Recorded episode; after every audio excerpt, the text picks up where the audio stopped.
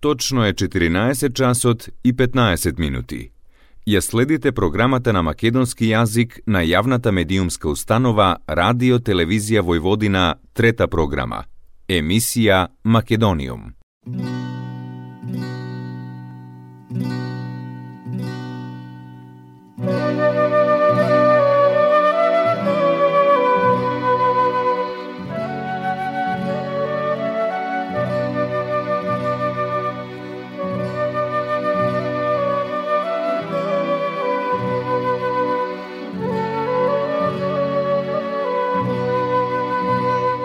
Македонијум.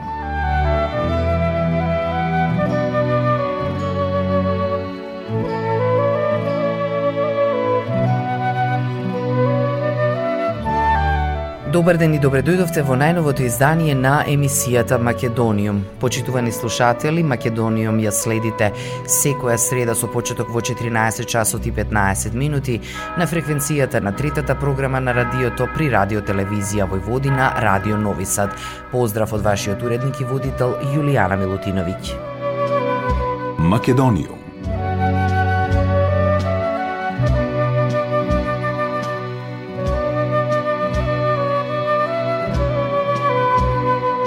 Двата концерти на македонскиот пианист од светски глас Симон Трпчески, заедно со Лондонскиот симфониски оркестар и повторната соработка со прославениот диригент Джан Андреа Нозеда од Италија, инаку актуелен музички директор на Националниот симфониски оркестар од Вашингтон и главен гостин диригент на Лондонскиот симфониски оркестар, наидоа на лавина во одушевувачки рецензии во најугледните лондонски медиуми, информира Културоп.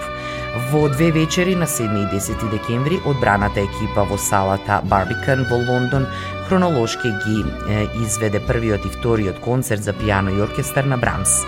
Симон Трпчески беше остроумен и елегантен солист во вториот концерт за пијано на Брамс, пишува критичарот на Guardian Тим Ешли. Длабоко проживеана изведба на вториот концерт за пијано на Брамс со Симон Трпчески како солист – Тој внесе многу тежина, увид и драма во органски развивачкиот почетен став и турбулентното скерцо, а сепак деликатноста на неговото свирење најмногу ќе остане во сеќавањето на друго место. Чувството за тивка тишина во центарот на бавниот став, на пример, или грациозноста на финалето, со неговата ненагласена елеганција и духовитост, истакнува Ешли.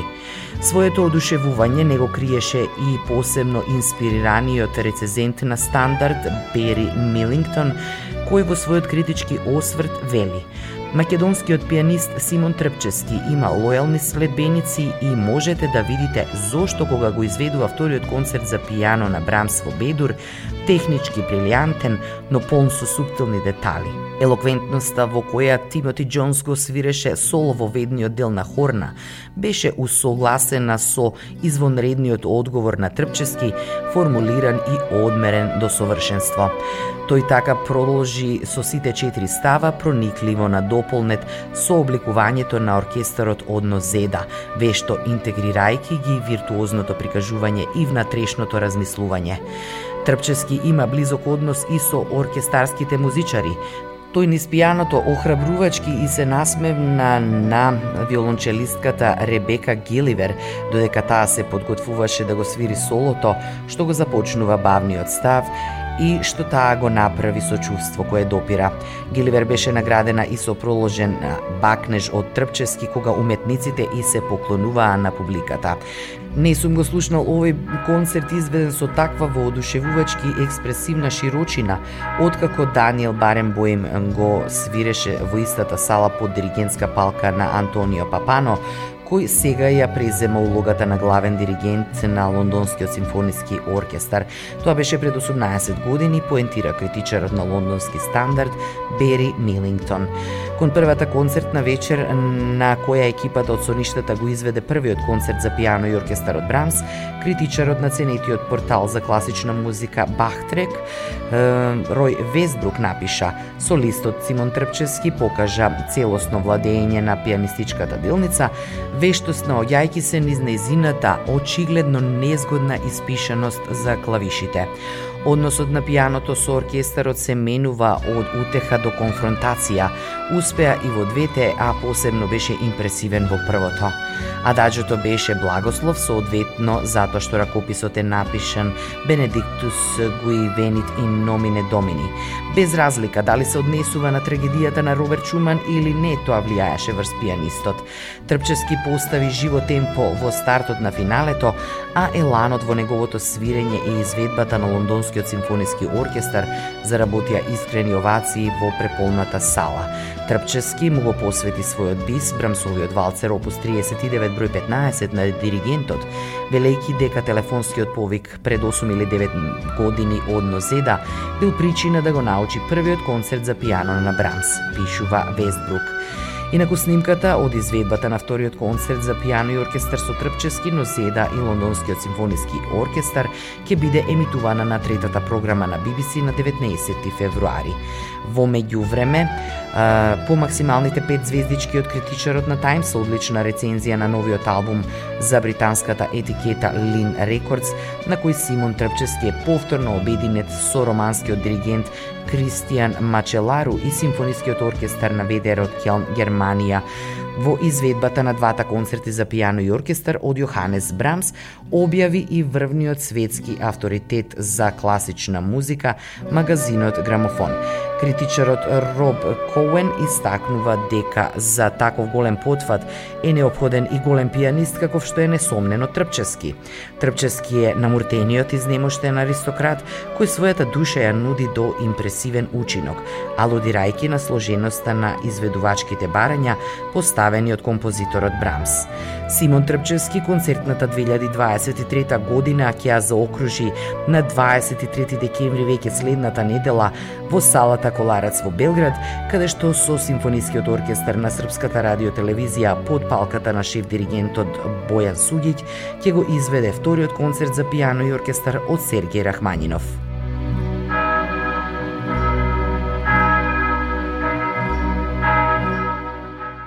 Македониум.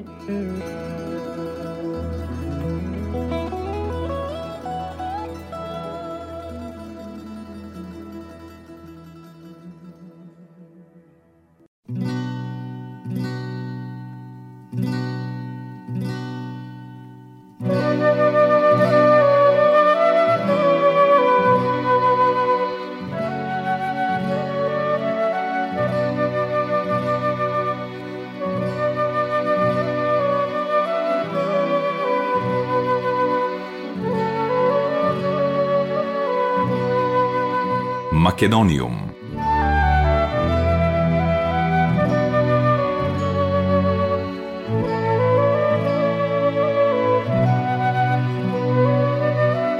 Филмот М на Вардан Тозија ја доби наградата за најдобар филм на њујоршкото издание на фестивалот Dances with Films. Воодушевен сум што ја примам наградата за најдобар филм на годинешното издание во Њујорк. Представуваше голема чест и уникатно искуство да се биде дел од официјалната селекција на овој исклучителен фестивал со креативни и бескомпромисни филмски автори на настан што прерасна во двигател на американскиот и интернационален филмски дух, вели режисерот Вардан Тозија, кој во Њујорк лично ја прими наградата. Филмот Ем на овој фестивал ја имаше американската премиера. Според USA Today, фестивалот се вбројува меѓу 10 најзначајни филмски настани на северноамериканскиот континент, а според CNN важи за лидер во позиционирањето свежи и нови таленти на филмската индустрија. IndieWire го препознава како на широко признаен поради откривањето на иновативниот дух и талент во независната кинематографија. Уникатно воден филм со динамичен емотивен импакт, ем е спектакуларно достигнување во меѓународната филмска соработка, се наведува во официјалното образложение на фестивалот. Приказната на Тозија за осамено момче од шумата, кое наидува на низа предизвици и авантури барајќи ја својата самовила, токму во официјалната селекција на овој фестивал ја представи македонската кинематографија пред американската публика. По премиерата се одржаа дискусии меѓу режисерот и членови на индустријата, како и разговори со публиката. Светските права за дистрибуција на македонскиот филм ги поседува американската компанија 123 Media. Македониум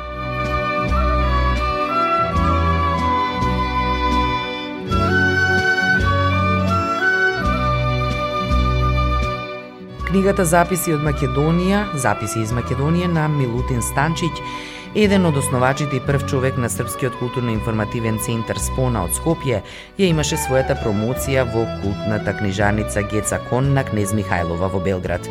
Оваа збирка патеписи и репортажи од печат излезе во септември годинава во издание на службен вестник на Република Србија. Првите записи и некои првични идеи се појавија уште во 2017 година, но имаше сомнежи дали да се објават, да се публикуваат, во кое издание и во кој обем. Подоцна животот со својот забрзан тек ги сечеше годините, селата и новите коти, се редеа приказни, мислам дека самите наслови зборуваат за силните жици, за символиката и семантиката, преку топонимското значење, а сето тоа е проткаено со живите реални луѓе, учители, клисари, селани, ака академици, свештеници и пустиници.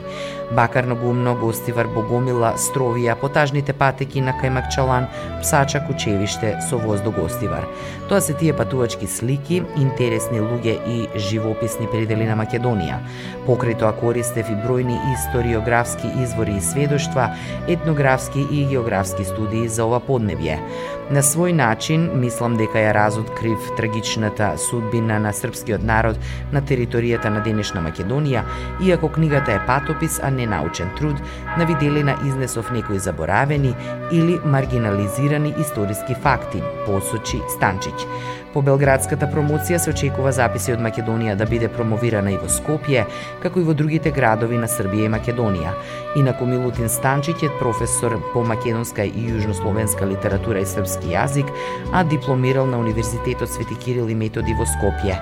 Книжевноста е негова преокупација уште од студентските денови, па во центарот Спона се појавува како творец и модератор на многу литературни работилници на кои се разговара за познати српски писатели писатели, како и за делата на македонските автори, преведени на српски јазик, а организатори и на бројни трибини, поетски средби, изложби, детски работилници.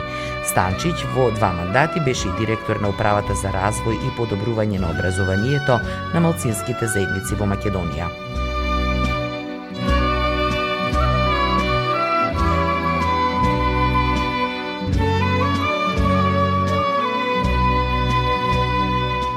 Македониум.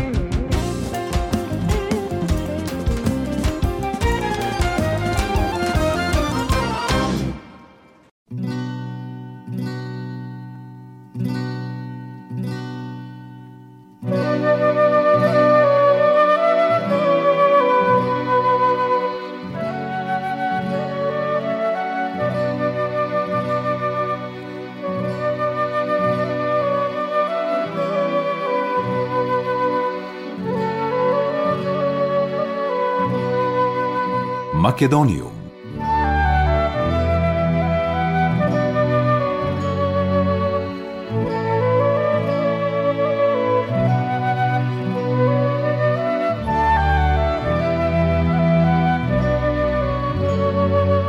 Ненад Георгиевски и Мијалче Мишко Иванов се добитници на државната награда Мито Хаджи Василев Јасмин за 2023 година за остварување во областа на публицистиката и новинарството. Наградата за публицистика ја доби музичкиот новинар и публицист Ненад Георгиевски, кој беше дел од првата поставка на редакциите на македонски јазик во Радио Телевизија Војводина, а за новинарство Мишко Иванов, автор на ТВ емисијата Патот до успехот. Председател на одборот за доделување на државната награда Мито Хаджи Василев Јасмине Зоран Бојаровски, наградата на одбитниците ќе им биде врачена на 21 декември во 12 часот во свечената сала на Собранието на Македонија. Македониум на барање на публиката на сцената на Националната опера и балет. Утре, со почеток во 21 часот, ќе се одржи музичко-сценскиот спектакл фолклорно-класична симбиоза на националните установи Национална опера и балет и танец. Повеќе од 130 учесници на сцената во заедничка изведба на симфонизираните антологиски кореографии Осоговка, Малешевка, Жетварка, Пиринско пролетно цвеќе, Водарки, како и многу други македонски орски и вокални мелодии од богатиот репертуар на танец. Концертот ќе се одвива под диригентско водство на маестра Бисера Чадловска, концерт мајсторе Верица Ламбевска, а хор мајстор Ѓургица Дашиќ. Настапува оркестарот, хорот и играорниот хор на танец, заедно со оркестарот и хорот на Националната опера и балет. Фолклорно-класичната симбиоза е замислен како музичка фузија на две различни традиции. Класиката и фолклорот вешто преточена во новите аранжмански партитури на Дарко Илиевски, истакнат инструменталист, автор и раководител на оркестарот на танец. Македонската јавност и македонската музичка култура во целост добија уште едно комплексно дело со врвен уметнички израз, кое на достоинствен начин го чува и унапредува македонското музичко творештво.